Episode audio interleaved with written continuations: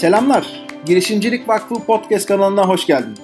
Bugün G-Base Dijital özel serimizin 5. bölümünde Türkiye'de kuşakların anlaşılması üstüne yıllarını vermiş, bu konuda binbir emekle çok değerli çıktılar elde etmiş ve halen daha da bu değeri yaratmaya devam eden sevgili Evrim Kuran bizimle. Hoş geldiniz Evrim Hanım, nasılsınız? Merhabalar, hoş bulduk. Çok teşekkür ederim. Evet katılımınız için tekrardan ben teşekkür etmek istiyorum size. Çok yoğun bir programınız vardı. Sağ olun bizi kırmayıp vakit ayırıp programımıza katıldığınız bizim için çok değerli. Estağfurullah. Her zaman gençler torpilli. ne güzel.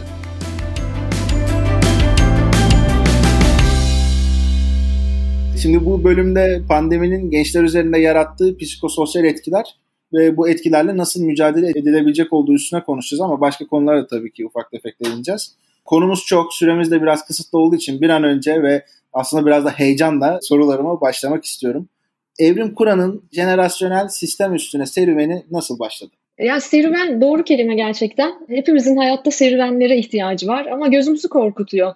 Halbuki bütün büyük yolculuklar böyle başlıyor. Bir şey senin aklına takılıyor ve geceleri uyutmuyor. Benim de bundan 20 yıl önce aklıma takılan bir konuydu bu. Çeşitli vesilelerle çünkü gençlerin olduğu ortamlarda o dönem benden daha genç olanların olduğu ortamlarda bir çalışma hayatım vardı ve bir şeylerin değiştiğini, yani hem konvansiyonel ortamlarda hem daha çağdaş sistemlerde fark etmeksizin bir şeylerin değiştiğini ve bir şeylerin yürümediğini hissediyordum. Ve bu alana odaklanmak istedim. Biraz okumaya, araştırmaya başlayınca bir baktım kuşak diye bir şey var. Yani jenerasyon deniyor bunlara. Şimdi 20 yıl önce de Türkiye'de kimse bunları konuşmuyor. Zaten o dönemde bir de akademik çalışma yapıyordum. Bu alanda bir tez yazmaya başladım. Örgütsel davranış üzerine. O dönem Y kuşağı daha yeni yeni geliyordu. Ve pek destek görmedim akademiyadan. Yani açıkçası ben pek bir yerlerden bir destek görmedim. İlk 5-6 yıl gerçekten serüvenin çok zor zamanlarıydı hep kendimi anlatmakla, derdimi anlatmakla, burada bir dert olduğunu anlatmakla geçti. Ama şundan dolayı memnunum. Ben hiç vazgeçmedim. Yani bana bir sürü insan bu işten para kazanamazsın, bu yol yol değil. Çünkü başka yeteneklerin var, git o yetenekleri başka yerlerde kullan falan diyenler oldu ama ben dinlemedim. Hayatım boyunca burnumun dikine giden bir insandım zaten. Hiç de pişman değilim. Bugün geldiğimiz noktada dünya zaten bunun farkında da Türkiye'de de ziyadesiyle kuşak konuşuluyorsa bir miktar belki çorbada tuzum olmuştur. Çünkü konuşmadığımız dertleri çözemiyoruz. Kesinlikle çok haklısınız. Burada ben aslında sizin hikayenizi incelediğim zaman pek çok zorlukla karşılaştığınızı görüyorum. Bunları tam olarak nasıl aştınız? Ne gibi süreçlerden geçtiniz? Çünkü aslında işin ciddi de bir girişimcilik boyutu da var. Evet. Bunu birazcık daha derinlemesine sizden öğrenebilirsek çok değerli olur diye düşünüyorum. Ya şimdi böyle kitabi olarak girişimciliğe baktığınızda böyle güzel kitaplarda, şık puntolarla veya güzel PowerPoint sunumlarda falan şey anlatılıyor işte network'ünü geliştir, network önemlidir. Şuradan işte fon bul, para önemlidir. Ya ben de bu sermaye türlerinin hiçbiri yoktu açıkçası. Ne param vardı, ne finansal işte sermayem, ne sosyal sermayem vardı. Çünkü ben Ankara'dan gelmiş, Hani Ankara'da hele ki 20 yıl öncenin Ankara'sı 2000 yılında Ankara'dan İstanbul'a gelmiş ve gerçekten yani İstanbul'da hiç tanıdığı kimse olmayan, iş dünyasında network falan hiç yani benim yakınlarımdan, yöremden geçmiyor. Yani memur olarak yetiştirilmiş bir çocuktum. Bir kız çocuğuydum ben. Dolayısıyla yani öğrencilik dönemimde de hani böyle bir işte girişimcilikle ilgili bize fikir versinler, bilgi versinler falan böyle bir şey yoktu. Böyle bir sosyal sermaye olmadan işte çok ekol okullardan mezun olmadan gelmiş ama kafasına bir şey koymuş olan böyle deli dolu bir kız çocuğuydum aslında baktığında. E param da yoktu. Kaldı ki 2000 benim akranlarım bilirler yani 2000'de Türkiye'de ve dünyada çok önemli bir kriz evresi. 2000, 2001, 2002 korkunç yıllar bunlar. Devamında gelen işte 2008 sonra işte 2018'de bizim gördüğümüz türbülansa falan benzemeyen çok derin ekonomik krizler. Ama benim iman dolu göğsüm gibi serhattim var demek istiyorum. Yani ben, ben benim sadece bir imanım vardı. Kendime imanım vardı. Bundan başka hiçbir şeyim yoktu. Konuya da çok inanıyordum. Ve gerçekten çok çalıştım. İngiliz edebiyatı okumuştum. İşte üzerine örgütsel davranış, insan kaynakları yönetimi master yapıyordum. O master programını tamamlayamadım. Orada da bir başarısızlık hikayem var. Ama ondan sonra yine pes etmedim. Sabancı Üniversitesi'nde MBA yaptım. Çok da parasız zamanlarımda yaptım yine bunları. Ben şuna inanıyorum. Evren düşünceleri, hayalleri ödüllendirmiyor ve duymuyor. Evren hareketi görüyor ve bunu mutlaka cevap veriyor. Ben eylemliliğe inanıyorum. Ne olursa olsun her gün ufak da olsa bir şey yapmak, bir adım atmak. Bu bence çok önemli. Ve biriyle tanışmaktan daha önemli bu biliyor musun? bir eylem içinde bulunmak, biriyle tanışmaktan, LinkedIn'den birini eklemekten falan daha önemli. Kesinlikle. Bu birazcık bana şeyi de anımsatıyor. Hani girişimcilere hep söylenen klasik sözler arasında şey vardır ya. Yani mutlaka yola çıkın. Evet. Çünkü yola çıkmadan karşınıza neler çıkacak olduğunu ve nelere önlem almanız gerektiğini aslında tam olarak göremezsiniz. Öngörüleriniz her zaman yeterli gelmez. Bu konuda aslında çıkartılabilecek en ana dersin bir zorlukla karşılaştığımız zaman ona karşı bir aksiyon almamız ve ona kabullenmememiz gerektiğini anlıyorum. Eğer yanlışsam siz beni düzeltin. Çok doğru söylüyorsun. Zaten girişimcilerin neden başarısız olduğuna dair bir araştırma okumuştum yıllar önce. Ve şu anda üzerinde çalıştığım kavramlardan birini de yıllar önce öyle kulağıma çalınmıştı. Girişimciler biliyorsun çoğu başarısız oluyor. Evet. Ve özellikle kurumsal yaşamı deneyimleyip girişimcilik dünyasına girenlerde bir geri dönme, bir aslına rücu etme hali söz konusu oluyor. Bunun iki tane sebebi var. Ben bu iki sebebe baktığım zaman hayattaki en büyük iki şansımın da bu olduğunu düşünüyorum. Birincisi nakit akışlarını yönetemedikleri için başarısız oluyorlar. Bu çok önemli. Yani ne kadar karlı bir iş kurduğun, ne kadar para kazandığının ötesinde nakit akışı yönetimi Bence bir ev kadınının, bir memurun, bir herhangi bir ortalama insanın mutlaka öğrenmesi gereken bir şey. Çocuklarımızın öğrenmesi gereken bir şey. İlla girişimci olmana gerek de yok yani. İkincisi rezilyansları problemli. Yani yılmaz değiller. Resilience yani yılmazlık nedir? 7 kere düşmek, 8 kere kalkmak. Ben çok düştüm. Hala da düşüyorum. Yani 44 yaşındayım, 15 yıl oldu şirketimi kuralı. Hala da düşüyorum, sinirleniyorum, kızıyorum, üzülüyorum, ağlıyorum bazen. Ama buna izin vermemiz lazım. Kendimize bu duyguları yaşamaya da izin vermemiz lazım. Ve yeniden kalkmayı da bilmemiz lazım. Bu bence çok önemli. Dolayısıyla ben Edebiyat Fakültesi mezunuyum. İngiliz Edebiyatı okudum benim kendimi ifade etmem, dünyayı merak etmem, ona epistemolojik açlık deniyor. Dünyayı felsefi bir boyutta merak etmem, kültürleri merak etmem, farklı toplulukları merak etmem, antropolojiye eğilimim, felsefeye olan ilgim. Bence bunlar da benim girişimciliğimi çok çok destekledi. İlk zamanlar ki hala da öyle oluyor biliyor musun? İşte bize biraz kendinizi tanıtır mısınız? Ne alaka? Niye İngiliz Edebiyatı okuyup da nasıl kuşak araştırmacısı ve girişimci oldunuz falan diye sorulan sorular oluyor. Ya nasıl yani ne alaka? Yani Harvard'ı bırakan terlikli çocuk girişimci olabiliyor da ben İngiliz Edebiyatı okuyarak olamıyor muyum? Ama benim girişimciliğimde bu multidisipliner e, halin çok büyük bir etkisi var. Çünkü benim duygusal sermayemden başka hiçbir şeyim yoktu. Ne zengin bir babam, ne iş dünyasında bir network'üm, ne mezunlar derneğinden bilmem ne kulüplerinden arkadaşlarım tanıdıklarım hiç kimsem yoktu. Ama duygusal sermayem, entelektüel sermayem bence lisans eğitimimde çok sağlam bir altyapıyla gelişti. Dolayısıyla onu çok önemsiyorum ama nakit akışına şuradan geleceğim. Şimdi İngiliz edebiyatı okumuş biri ne alaka yani nereden nasıl finans öğrenecek? Finans öğrenmek de değil bu ama basit para yönetimi sistemleri, teknikleri bunları da bilmek lazım. Ben bu konuda çok şanslıydım. Benim ortağım hala ortağım 15 yıldır ortağım finans yönetimi açısından çok güçlü bir karakterdi ve beni de neredeyse tanıştığımız günden beri bana temel finansal konuları öğretmekle ilgili çok hevesliydi. Zaten birlikte iş kurma planlarımız vardı tanıştığımızdan beri. Dolayısıyla biz iyi bir takım olduk. Yani işin özellikle finansal yönetim konusunda ben çok rahat ettim. Ama öğrendim de ve bir girişimci olarak da ya bununla benim bakmama gerek yok yani şunları öğrenmesem de olur da demedim. Zaten üzerine de işletme yüksek lisansı yaptım. Yani herkes MBA yapsın falan demiyorum ama benim için bence gerekliydi. Çünkü işte finans, makroekonomi gibi konuları tabii ki akademik olarak da öğrenmek bana fayda sağladı. Burada ben girişimcilerin multidisipliner olması gerektiğine çok inanıyorum. Herkes okula gitsin demiyorum bu arada. Üniversiteler konusundaki düşüncelerim çok net zaten herkes üniversiteye gitsin, okula gitsin bilmem ne demiyorum ama bir yerlerden bir şeyler bulup kendilerini geliştirsinler. Bence çok değerli paylaşımlar oldu. 7 kere düşüp 8 kere kalkma konusu bana da sürekli babamın aslında tavsiye etmiş olduğu bir şey var, bir söz var. Küllerinden doğmak diye onu anımsatan çok değerli, güzel bağ kurduğum bir konu oldu. Teşekkür ediyorum. Hazır siz buradayken birazcık da kuşaklar arası ilişkilerle ilgili bir iki soru sorup sonrasında pandemi sürecinde neler yaşandı konusuna devam etmek istiyorum. Şimdi bu Z kuşağı bu çağın yerlisi ve işte diğer kuşaklarda göçmeni diye bir tanımınız vardı. Bir yerde ona denk gelmiştim. Bu arada sizce nasıl bir ilişki olmalı? Yani nasıl yönetmeliyiz bu süreci? Hem büyüklerimize hem küçüklerimize karşı bir şey oluyor ya orada. Evet. E, idare edilmesi gereken bir ilişki, bir sorumluluklar var. Bu sizce nasıl bir süreç? Şimdi bu göçmenlik konusunu ben çok çalışıyorum. Yani hem coğrafyanın göçmenlerini hem de çağ göçmenlerini. Kuşak konusu çağ göçmenliğiyle alakalı. Bir de coğrafyanın da göçmenleri var ve şuna bakıyorum. Mesela benim şu anda yayına bağlandığım, yaşadığım ülke olan Kanada'da çok fazla göçmen var. Bir göçmen ülkesi.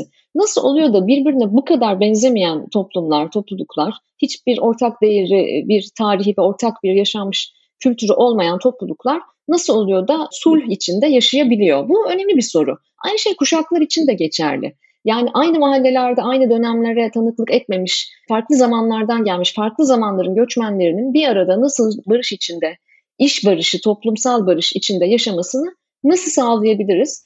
E, bir tane yanıt var. Eskiden buna çeşitlilik ve dahil edilme, diversity and inclusion diyorlardı batılı toplumlar. Şimdi artık buna equality yani eşitlik diyorlar. Yani hepimizin eşit fırsatlara sahip olmasak da eşit yaşamsal haklara ve eşit söz söyleme hakkına sahip olduğumuzu kavrayarak ve bu alana saygı duyarak bence yürümeliyiz. Yani ben 44 yaşındayım, oğlum 14 yaşında. Bu evde eşit söz söyleme hakkı olmalı. Konuları eşit bir şekilde birer paydaş olarak, evin paydaşı olarak tartışmaya açma platformlarımız olmalı. Bu şirketlerde de böyle, okullarda da böyle, ülkelerde de böyle olursa barışı sağlayabiliriz. Yani yaşlılar sussun, gençler konuşsun demiyorum.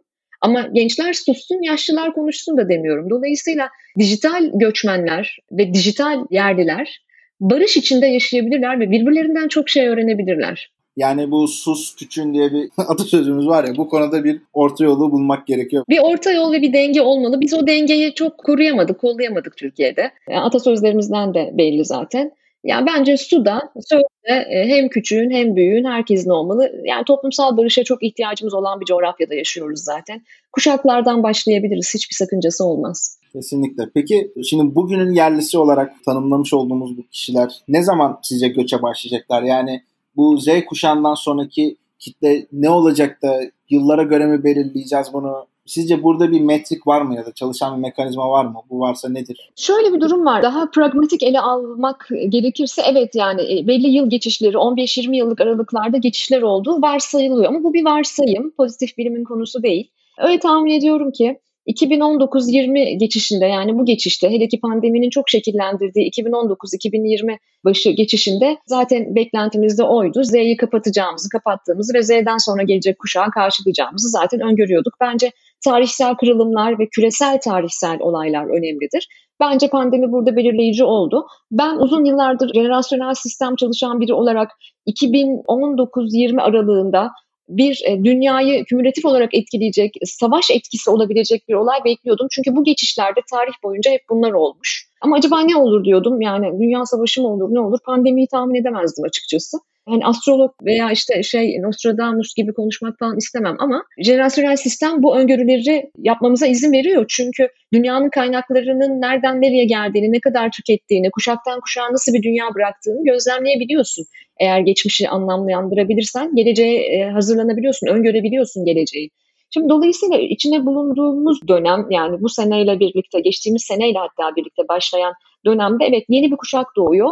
Amerikalılar, Batılılar onlara alfa diyor. Bu isimlerin ne olduğu, kısaltmaların ne olduğu çok önemli değil. Ama jenerasyonel arketipte hangi kuşağın tekrarı olduğunu görüyoruz. Genellikle bu içinde bulunduğumuz dönem ideyanın, fikirlerin, prensiplerin, bilimin yükseldiği dönemdir. İçinden çıktığımız dönem konservatizmin yükseldiği, ruhaniliğin, daha soyut düşüncenin yükseldiği, maneviyatın yükseldiği ve muhafazakarlığın yükseldiği bir dönemde. Şimdi içine girdiğimiz dönemde rasyonelin yükseldiği dönem. Ben hep merak ediyordum ne olacak da toplumlar bu kadar e, sadece Türkiye'de değil dünyada konservatifleşmişken ne olacak da rasyonel birdenbire yükselmeye başlayacak acaba diye merakla bekliyordum. E görüyorsun son 6 aydır Türkiye'de de dünyada da Orta Doğu'da da hepimiz bilimi konuşuyoruz daha ziyade değil mi? Evet. Aşı çıktı mı çıkacak mı ne oldu ne zaman bilim ne zaman hızlanacak falan gibi. Böyle bir dünyadayız ama şu anda e, ben bunu bekliyorum yani bu içinde bulunduğumuz dönem rasyonalizasyon, akıl, bilim dönemi, sağduyu dönemi ve bir 15-20 yıl kadar da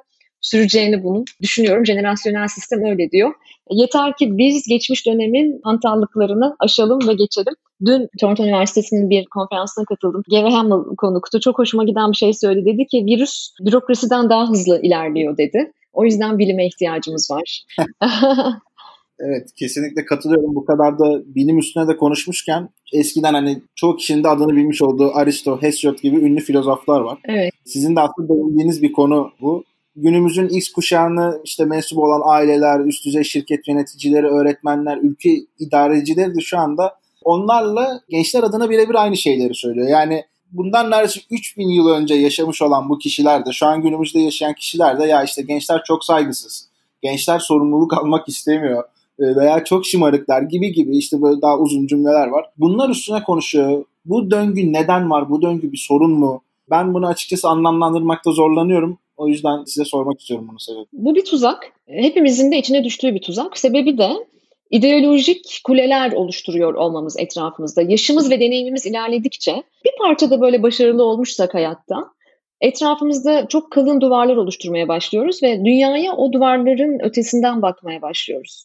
Hani bugünlerde dijital çağda söylenen yankı odaları var ya o yankı odaları aslında sadece dijital dünyada yoktu. Aslında biz dijital olmadan önce analogken de kendi yankı odalarımızdan bakıyorduk dünyaya. Dolayısıyla yankı odası ne demek? Sadece kendi sesini duyuyorsun ve benzerlerinin sesini duyuyorsun. Diğerlerini dışlıyorsun ve kabul etmiyorsun. Bilgi ve deneyim arttıkça bu insanın laneti halini alıyor. O yüzden Aristo gibi adamlarda çok görüyorsun bunu Hesiod gibi adamlarda milattan öncesinden beri bu görüşler çok dile getirilmiş. Yani bu gençlerden hiçbir şey olmaz, hiçbir numara olmaz diye. Bir sürü böyle çok kıymetli ismin tarih boyunca söylediği şeyler var. Daha da iddialı bir şey söyleyeyim mi sana? Yani bir Sokrat, bir Hesiod falan değilim ben ama 20 yıllık kuşak araştırmacısıyım. Ahkam kesiyorum insanlara Z kuşağı ile ilgili. Benim oğlum Z kuşağı 14 yaşında. Bazen kendimi ben senin yaşındayken derken yakalıyorum. Ali ile konuşurken. Demek ki hepimiz bu tuzaklara düşebiliriz. Hepimizin başına gelebilir ama görmemiz ve kendimizi duymamız lazım. Benim çok sevdiğim şıklar içinde yatsın. Stefano Danna girişimciliğimde çok önemli bir insan. Stefano Danna kendini gözlemlemek kendini düzeltmektir derdi kendimizi gözlemlersek kendimizi düzeltebiliriz. Yani sakin olup Aa, evet ya bu tuzağa ben de düşüyorum diyebiliriz. Düşüyoruz hepimiz düşüyoruz ben de düşüyorum. Sonra toparlıyorum ve kendimi düzeltmeye çalışıyorum. Peki birazcık daha bu günümüzde şu içinde bulunduğumuz 5 aylık 6 aylık sürecin içerisine geldiğimiz zaman bu pandemi sürecinde gençler hakkında ne gibi güncel araştırmalarınız var? Çok böyle dikkatinizi çeken gözlemleriniz neler oldu onları merak ediyorum. Bu dönem çok araştırma yaptık. Zaten enteresan bir şey oldu. Her sene yıllık araştırmalarımız var biliyorsundur. İşte 8 senedir dünya genelinde yaptığımız bir Universum istihdam araştırması var. 41 ülkede yaptık bu sene. Türkiye'de de bunu başlatmıştık. Pandemi patladığında araştırmayı kapatmıştık ve aslında pandeminin öncesinin son büyük gençlik araştırmasını yaptık. Şimdi onların datası çıktı. Onun üzerinde çalışıyoruz. Bir hafta sonra Harvard Business Review'da Eylül sayısında yayınlanmaya başlayacak. Buradan da dinleyenlere söyleyelim. HBR Türkiye Eylül sayısında yeni araştırmamızı okuyacaklar. Yani 70 küsür bin gencin katıldığı. Bence çok önemli bir araştırma çünkü pandemiden önce hemen önce Türkiye gençliği ne diyordu? Şimdi ne diyorlar onlara bakmak açısından önemli. Zaten pandemi öncesi araştırmamızın çok kritik sonuçları vardı. Bunu şöyle bir tüyo vereyim buradan. Yani önümüzdeki hafta e, okuyacak insanlar dergide ama zaten çok kritik yani çok gençlerimizin ümit var olmadığını, gelecekleriyle ilgili kaygılarını, endişelerini gösteren zaten bir takım çıktılar vardı. Bir de biz onların girişimcilik şeylerini de ölçüyoruz. Girişimcilik eğilimlerini de ölçüyoruz son 8 senedir Türkiye'de. Yine çok böyle hoşuma giden ideal bir seviyede görmemiştim girişimcilik eğilimini. Ve yurt dışına yerleşme, yurt dışında çalışma, yurt dışına gitme ya olan ilginin e, dramatik bir biçimde arttığını gördüğümüz bir seneydi. Pandemiden hemen önce kapattığımız araştırma. Şimdi birçok şey değişti. Birkaç gün içinde bir gecede neredeyse. Biz aralarda bir takım nabız yoklamaları yaptık. Özellikle gençlerin liderliğe bakışları, pandemiye bakışları, neyi özledikleri, ne yapmak istedikleriyle ilgili. Fakat bence o kadar iniş çıkışlı bir süreç oldu ki yani o kadar bir anda gevşedik, bir anda e, Türkiye'den bahsediyorum. Bir anda gevşedik, bir anda stres olduk, bir anda savaşçı olduk. Sonra derken hep beraber tatile gittik, partilere gittik, düğünlere gittik falan. Yani Türkiye'de bu süreç o kadar inişli çıkışlı oldu ki biz 2021 araştırmamızı Kasım ayında yani en kapsamlı Türkiye geneli gençlik araştırmamızı Kasım ayında yani birkaç ay sonra başlatıyoruz.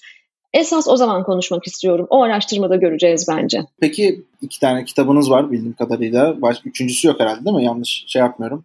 Yazıyorum şu anda. Aa, harika. ne güzel yolda. Yolda evet. Bir Kuşağı Anlamak isimli bu son yazmış olduğunuz kitapta arka mahalle ve yukarı mahalle gibi tanımlar var. Hı hı. Çok kısaca bunları bir açıklamasını rica edeceğim ama hemen akabinde diğer sorumu da ben size sorayım. Beraber hı. şey yapalım onları götürelim. Pandemi döneminde bu mahallelerin sakini olan gençlerin psikososyal açıdan sizce ne gibi farklı deneyimleri ve çıktıları olmuştur? Yani demin şeyden aslında cevabımı almış oldum ama gözlem ve bugüne kadarki tecrübenizden tahminler olarak bunu bir yorumlamanızı rica edeceğim sizden. Biz ikinci kitabı konu olan araştırmayı pandemiden önce yapmıştık. Amacımız şuydu, Türkiye'de veya dünyada tek tip bir Z kuşağı yok. Hatta iddiam şuydu, Anadolu'yu çok yakından bilen biri olarak İstanbul'un farklı farklı semtlerini bilen, Ankara'nın büyük şehirlerin farklı ortamlarını bilen biri olarak. Biz özellikle kurumsal hayattan bakarken, girişimcilere konuşurken, girişimciliğe konuşurken de bunu yapıyoruz. Sanki tek tip bir genç var tek tip bir model var, bir Z kuşağı var gibi. O yüzden benim hayalim hep şuydu. Ya biz hep bu araştırmaları plazalar için, şık plaza ofisleri için falan yapıyoruz. Acaba arka mahallelerdeki gençler ne yapıyorlar?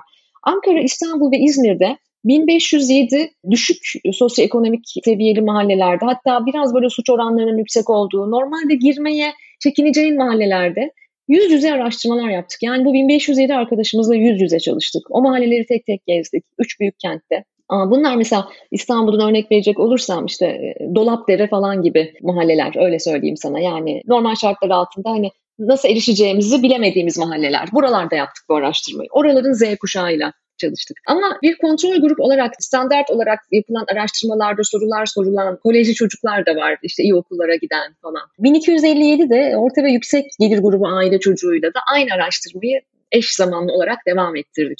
Ve aralarda gerçekten inanılmaz benzerlikler ama müthiş farklılıklar da çıktı. O yüzden tek tip bir Z kuşağı yok. Bir tane ortak noktalarından bahsedersem pandemiden önce ikisi de Türkiye'de yaşamayı çok zor olarak değerlendiriyordu ve ikisi de adaletsizlik ve eşitsizliği değiştirmek istiyordu ülkede. Pandemiyle beraber ne oldu? Hani diyorlar ya pandemi herkesi eşitledi, gördünüz mü zengin de ölüyor, yoksul da ölüyor falan. Yok yani ben o fikri satın almıyorum. Pandemi herkes eşitlemedi. Bilakis pandemi varsılla yoksulun arasındaki boşluğu daha da genişletti Türkiye gibi ülkelerde. Dolayısıyla bence bugün adaletsizlik ve eşitsizlik sorusunu yeniden soracak olursak farklı mahallelerdeki çocuklara çok farklı yanıtlar alabiliriz. Böyle düşünüyorum. Bunu gözlemliyorum. Bu dijital boşluk olarak bile kendini gösteriyor biliyor musun? Yani dijital erişimde bile. Mesela 18 milyon Z kuşağı pandemiyle beraber uzaktan eğitim görmeye başladı. Üniversiteleri saymıyorum. Sadece liselerden bahsediyorum. Sence kaç tanesinin evinde yüksek internet, yani yüzde kaçının evinde acaba yüksek band internet vardı veya kaçında desktop bilgisayar vardı veya kaçında mesela EBA televizyonundan yayınlar yapıldı, kaçında birden fazla televizyon vardı? O hanelerin durumlarını acaba biliyor muyuz? Ve bence birçoğunun eğitime erişimi olamadı. Bu konuda hem ülkemizde hem de dünyada çok ciddi sıkıntılar yaşandığını Umay Hanım'la bir kayıt almıştık Umay Aktaş Salman'la. O da bu konu üstüne çok fazla çalışmalar yapmış ve yani neredeyse geçim sıkıntısına düşmekten dolayı çünkü çocuk işte okula gidiyordu ve evdeki masrafları kısılıyordu. Yani o kadar dar gelirli aileler var ki evet. maalesef hem ülkemizde hem de dünyanın başka ülkelerinde ufak artışlar bile bu ailelerin ekonomisini çok daha zora sokup çocukların okulu bırakma noktasına gelmelerine sebep olmuş durumda olduğuna dair bir bilgi paylaştı. Yani gerçekten çok üzücü bir durum maalesef. Çok üzücü, çok üzücü. Yani birçok kavramı yeniden ele almamız, yeniden tanımlamamız gerektiğini düşünüyorum. Hani bunları konuşurken işte kapitalizm bitiyor, sosyalizm geliyor falan gibi bir mesaj değil verdiğimiz. Gelen şey gene eskiye ait bir kavram değil ama her ne ise, hangi biçim ise kapitalizm ise örneğin yeni bir tanıma ihtiyaç duyduğumuz muhakkak. Yeni bir tanıma ihtiyacımız var. Bu, bu bence çok önemli. Şu ana kadar yanlış anladık bunları, yanlış tanımladık, yanlış uyguladık. Böyle düşünüyorum. Sizin de yine belirttiğiniz üzere bu Uluslararası Gençlik Vakfı verilerine göre ülkemizin gençlerinin stres seviyesi %72 neredeyse tavanda. Pandeminin bu devam etmesiyle sizce bu oran ya ben artacaktır diye düşünüyorum tabii ki de sizin uzman görüşünüzü almak istiyorum. Bu durum sizce nasıl olacak ve bunun ne gibi çözümleri olabilir? Ben çok travmatik etkileri olduğunu düşünüyorum. Gençlerde de bütün kuşaklarda, bütün kuşaklarda öyle. Keşke ölçebilsek. Mart ayında en son kapattığımız araştırmada stres seviyelerini ölçmüştük. Zaten pandemi öncesi de bayağı yüksekti Türkiye'de. Hem üniversite öğrencilerinde hem de genç çalışanlarda, genç çalışanlarda hatta daha yüksek takdir edersiniz ki. Şimdi bunun temel sebebi şu, belirsizlik, belirsizliği yönetmek. Bütün dünyada belirsizliği yönetmek zorunda olduğumuz bir çağdayız. Bu anlamda bu çağın hepimiz göçmeniyiz. Ama Türkiye gibi ülkelerde, gelişmekte olan ekonomilerde zaten pandemiye 2018 kriziyle beraber yakalanmış 2018'deki yüksek işsizlik oranlarını tetikleyen krizle beraber yakalanmış ülkelerde durum tabii daha fena. Bugün Türkiye'de 1.3 milyon üniversite mezunu işsiz var pandemiden önce bu böyleydi. Şimdi son çeyrekle beraber ben şirketlerde yani mevcut istihdamda da azalmalar olacağını, yeni istihdam kaynaklarında da daralmalar olacağını düşünüyorum. E bu belirsizlik ve bu işsizlik ve bu amaçsızlık ve bu geleceksizlik tabii ki bu oranları artıracak. O yüzden çare girişimcilik. Çare gig ekonomisi. Peki burada beyin göçüyle ilgili sizce nasıl bir durum var? Yani eskiden benim işte çevremdeki hakikaten de çok başarılı olan arkadaşlarım diyordu ki ya ben Türkiye'de durmak istemiyorum. İşte şu ülkeye gideceğim, bu ülkeye gideceğim, bu firmayla şu anda görüşme halindeyim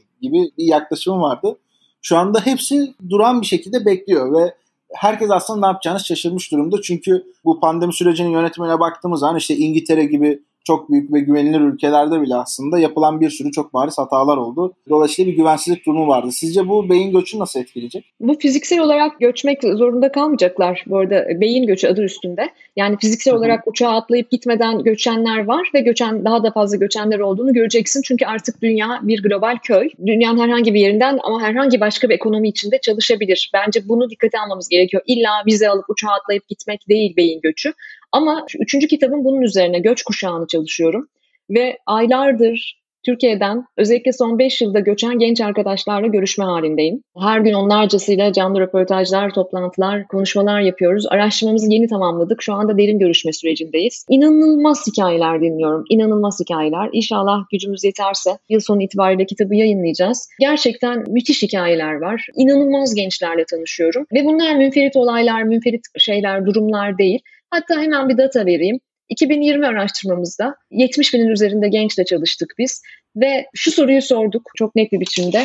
Sen e, Türkiye dışında kariyer yapmak istiyor musun? Türkiye dışına gitmek istiyor musun? diye öğrencilerin %78'i şu anda Türkiye'de çalışan genç çalışanların da %76'sı evet yanıtını verdi. Bunlar çok yüksek oranlar. Kulak vermemiz gereken oranlar. Ve bence pandemi beyin göçünü yavaşlatacak, durduracak diye hiç düşünmeyin. O hiç belli olmaz. Kolaylaştıracak da olabilir. Çünkü şu anda mobil kariyer imkanları daha da açıldı. Mobil kariyer yani. Sen şu an Türkiye'de oturup Madagaskar için çalışabilirsin öyle değil mi? Yok tabii ki kesinlikle hiç göz ardı edilmemesi gereken bir nokta. Hatta tam da bu konu üstüne bağdaşacak başka bir şey daha sormak istiyorum. Gençlerle ilgili çok konuşulan geleceğin meslekleri, geleceğin iş yapma biçimleri gibi popüler konular var biliyorsunuz. Biraz da bunların ne diyeyim popülerlik amacıyla da kullanıldığını da evet. düşünüyorum ve geçtikçe de görüyoruz. Siz de bunu bir birkaç programda belirtmiştiniz. Asıl önemli olan şey 21. E, yüzyıla uygun yetkinlik ve becerilerdir. Bunların üstüne çalışılması gerekir diyordunuz. Hatta Erhan evet. Hoca'nın da bu konuda tavsiyeleri var. G-Base dijital katılımcılarına bir tavsiye verecek olsanız en çok hangi yetkinlik ve becerileri edinmeleri 21. yüzyıl için uygun olur? Bu soruyu cevaplayabilirsek çok faydalı olur diye düşünüyorum.